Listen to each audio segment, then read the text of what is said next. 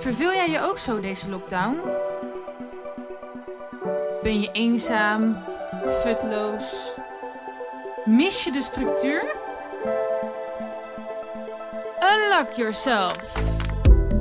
Mijn persoonlijke lockdown tips om deze lockdown te overleven. Tips over zingeving, spiritualiteit, mindset, gezondheid, vermaak, thuisonderwijs en tips voor het sociale contact in en buitenshuis. Mijn naam is Valinda en ik ben hypnotherapeut. Luister je mee? Tip 47. Kijk naar de interesses en talenten van je kind. Deze tip was nog uh, voor het geven van het thuisonderwijs tijdens de lockdown. Nou denk ik dat de meeste kinderen inmiddels echt wel weer naar school zijn. Maar je zou deze tip natuurlijk ook kunnen gebruiken in je opvoeding van je kinderen of in het begeleiden van huiswerk uh, bij je kinderen of misschien als leraar. Um, dus kijk altijd naar de interesses en de talenten van het kind. Want er wordt al zoveel gelet op wat een kind allemaal niet goed doet. En wat er allemaal nog veel beter kan en wat er allemaal niet mag. Dus onderzoek hoe kun je nou die talenten en die interesses van je kind vergroten? Hoe kun je het versterken?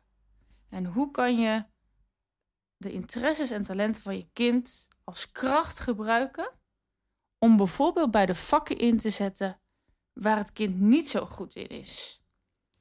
Dus stel je kind is niet zo goed in wiskunde, maar wel in gym, dan kan je natuurlijk tijdens, het, uh, tijdens de wiskundeles uh, gaan opdrukken of een balspel gaan doen of uh, een andere soort beweging. Maar uh, zorg dus dat de dingen die het kind wel goed kan, dat die gecombineerd worden met een vak wat het kind minder goed kan.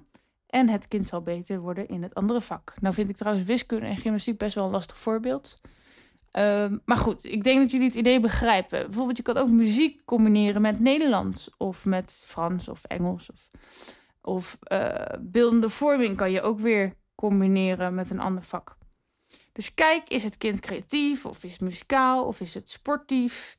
En hoe kunnen we dan een ander vak daarmee gaan verbeteren of combineren?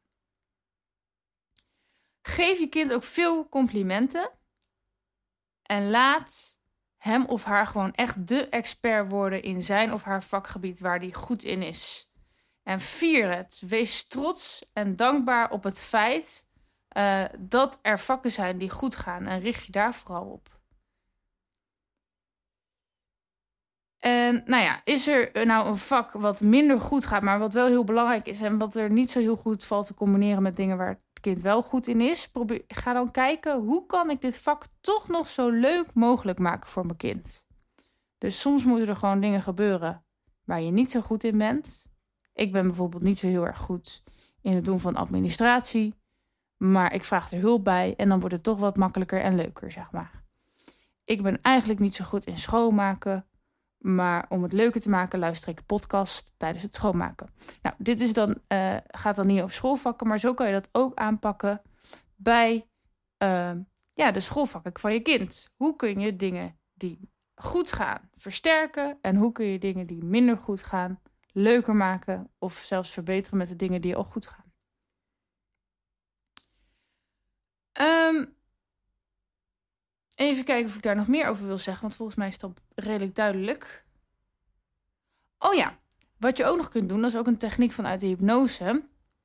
Um, vaak heb je al op een dag bepaalde goede gewoontes. Bijvoorbeeld, de meeste van jullie zullen elke ochtend wel hun tanden poetsen, vermoed ik.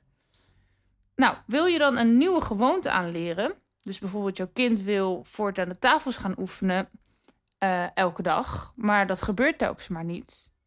Doe dat dan bijvoorbeeld na het tandenpoetsen, want het tandenpoetsen gebeurt toch al. Dus dan kan je het tafels doen gelijk daarna doen. Bijvoorbeeld. Of gelijk na het eten. Of gelijk na het lezen van een verhaaltje als je dat elke dag doet. Dus combineer een nieuwe gewoonte met dingen die het kind toch al doet. Dat maakt het makkelijker om nieuw gedrag aan te leren. Het kan tijdens uh, het, de gewoonte die er al is. Dus tijdens het tandenpoetsen kan je ook je tafels opzeggen. Maar het kan dus ook ervoor of erna. Nou, en waarom vind ik nou dat je je moet richten op wat er goed gaat en uh, wat je kunt versterken bij een kind? Dan vergroot je het zelfvertrouwen van een kind.